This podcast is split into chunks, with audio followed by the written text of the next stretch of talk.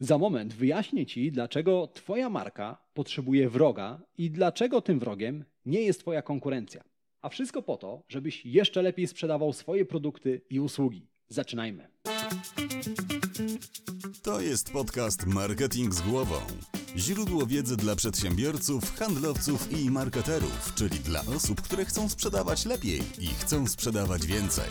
Zaprasza Łukasz Chodorowicz. Zanim zaczniemy, pamiętaj, że więcej informacji o tym, jak zrozumieć klienta, jak robić lepszy marketing i jak więcej sprzedawać, znajdziesz w moich newsletterach. Tak, są dwa. Jeden darmowy, drugi płatny. Linki do obu znajdziesz w opisie tego odcinka podcastu. Zerknij, poczytaj i dołącz do tysięcy przedsiębiorców, marketerów i handlowców, którzy co tydzień dostają zastrzyk wiedzy, dzięki której ich firmy rosną jak na drożdżach. Witam Cię w 59. odcinku podcastu Marketing z głową. Dla osób, które są tutaj po raz pierwszy, przypominam, że w tym podcaście zaglądam do głów klientów i szukam odpowiedzi na pytanie, jak klienci kupują.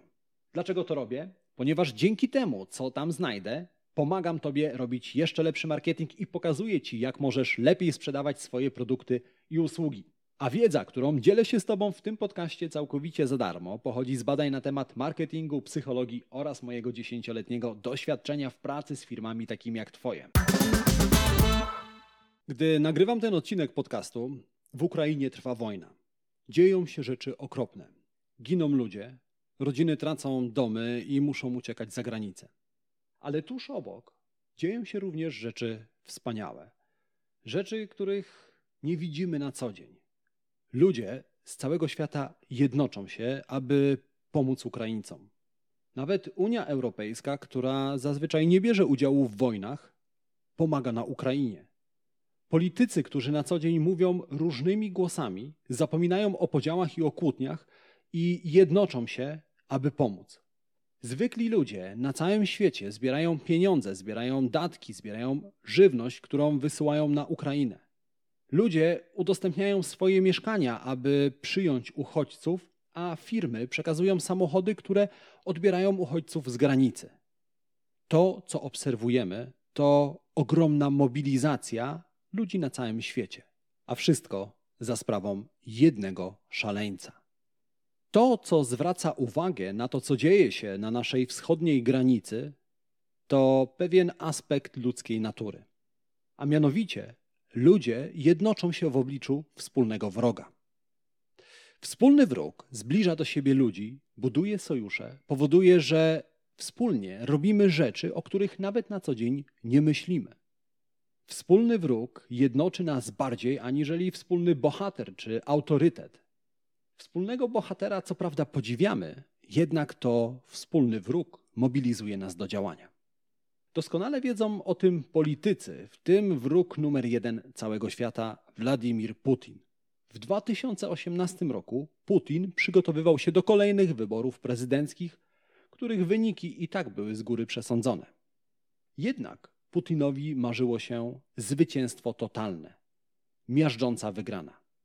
Putin Mógł to osiągnąć pod warunkiem, że zmobilizuje wystarczającą ilość Rosjan, którzy 18 marca 2018 roku udadzą się do lokali wyborczych i oddadzą głos na dyktatora. Przy czym w tym samym momencie Putin musiał odwrócić uwagę rodaków od gnijącej gospodarki, od wszechpanującej korupcji i od katastrofalnego stanu opieki zdrowotnej w Rosji. Co w związku z tym zrobił Putin, aby zmobilizować wyborców? Dał im powód do głosowania. Wykreował wroga, którym był cały Zachód z Wielką Brytanią na czele, która już w 2018 roku groziła Rosji sankcjami. Wspólny wróg jest strategią starą jak świat, jak każda religia. Większość religii, oprócz bohaterów, ma przynajmniej jednego arcywroga, który mobilizuje ludzi, wzmacnia poczucie przynależności i inspiruje do działania. Wspólny wróg buduje plemiona, zmienia ludzi w wyznawców i sprawia, że stajemy się lojalniejsi. Jednak wspólny wróg mobilizuje nie tylko na płaszczyźnie politycznej i religijnej. Spójrzmy na sportowych kibiców. Na stadionach piłkarskich setki tysięcy obcych sobie ludzi, kobiety, mężczyźni, młodsi i starsi. Ludzie, którzy często mówią w obcych językach, przez 90 minut krzyczą jednym głosem. Krzyczą, aby wesprzeć swoją drużynę w walce z przeciwnikiem. Ta zasada i to prawo obowiązuje również w marketingu. Na ogół uważamy, że lojalnych klientów zdobywa się przez zaangażowanie. Różnego rodzaju programy lojalnościowe czy systemy zbierania punktów, albo pieczątki za wizyty w salonie fryzjerskim. Sam w ostatnim odcinku podcastu opowiadałem o tym, jak dzięki grywalizacji można zaangażować klientów. Jeżeli nie słyszałeś tego odcinka, to link do niego znajdziesz w opisie odcinka, który właśnie słuchasz.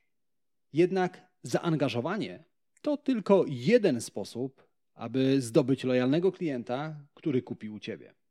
W badaniu z 2012 roku, które ukazało się na łamach Harvard Business Review, troje naukowców dowiodło, że dla 65% klientów ważniejsze od programów lojalnościowych jest coś innego. A mianowicie to, czy marka wyznaje te same wartości, które wyznają klienci. Innymi słowy, miażdżąca większość klientów kupi u ciebie, jeżeli pokażesz im, że wyznajesz podobną filozofię, podobne idee i masz taki sam cel jak twoi klienci. A jak najlepiej pokazać klientom swoje wartości?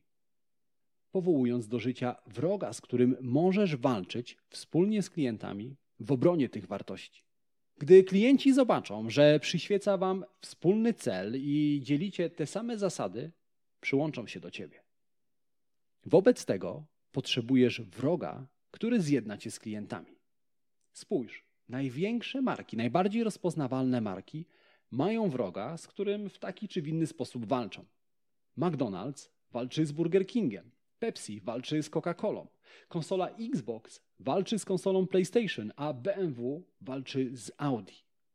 Jednak, powołując do życia wspólnego wroga, musisz zachować ostrożność i nauczyć się nie ufać własnej intuicji. Dlaczego? Już tłumaczę.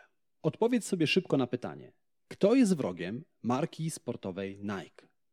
Pierwsza odpowiedź, która pojawia się w głowie, brzmi inna marka sportowa, na przykład Adidas, Reebok albo Puma, prawda? A teraz zastanów się, kto jest wrogiem producenta jogurtów. I tu również do głowy przychodzi inny producent jogurtów. No właśnie, w obu przypadkach intuicja cię zawodzi. Twoja konkurencja nie jest najlepszym kandydatem na wroga, z którym możesz walczyć wspólnie z klientami. Prawdziwym wrogiem Nike nie jest Adidas, ani Puma, ani Reebok. Większość amatorów ruchu, jeżeli nie znajdzie w sklepie butów Nike, kupi buty jakiejkolwiek innej firmy. Sam biegam i mogę potwierdzić Ci, że marka butów nie ma dla mnie większego znaczenia. Buty do biegania wymieniam średnio dwa razy w roku i biegałem już w butach Nike, w Reebokach i w butach innych, mniej znanych marek. Prawdziwym wrogiem Nike jest lenistwo i brak ruchu. Aż 70% Polaków nie uprawia żadnego sportu. Dlatego Nike, zamiast walczyć o klientów z innymi markami, walczy o nich właśnie z lenistwem i z niską świadomością społeczną. To właśnie tam to właśnie tam wśród tych 70% są klienci, o których warto powalczyć. Również w przypadku jogurtów wrogiem nie jest konkurencja. Danon nie walczy z innymi producentami jogurtów, ale walczy z małym głodem, który zagraża nam wszystkich. Danon sprytnie powoła do życia wroga, który choć w reklamach wygląda całkiem sympatycznie, stanowi realne zagrożenie i może nas dopaść w każdej chwili. Może popsuć nam humor, może pokrzyżować nasze plany związane z dietą, albo może dopaść dzieci, gdy bawią się na świeżym powietrzu. Mały wróg to przykład prawdziwego wroga, który mobilizuje klientów do walki. Klienci zbroją się, odwiedzając sklepy i kupując jogurty Danon, które oczywiście są najlepszą bronią do walki z wrogiem. A więc Twoja konkurencja to tylko pozornie najlepszy kandydat na wroga marki. Dlaczego? ponieważ klienci nie chcą walczyć z Twoim wrogiem. Chcą walczyć z wrogiem, który zagraża im. Wyobraź sobie, że proszę Cię o pomoc w zatrzymaniu groźnego pirata drogowego, który grasuje na ulicach mojego miasta. W najlepszym wypadku po prostu wzruszysz ramionami i powiesz, że to nie Twój problem. Ale gdybym powiedział Ci, że ten sam pirat drogowy wybiera się z gościnnymi występami do Twojego miasta i za kilka godzin zacznie zagrażać tobie, twoim bliskim, twojej rodzinie i wszystkim przechodniom na ulicach twojego miasta, to w tym momencie jesteś już bardziej skłonny do tego, aby mi pomóc, prawda? No właśnie, bo ten pirat drogowy stał się również twoim wrogiem i zaczął cię obchodzić.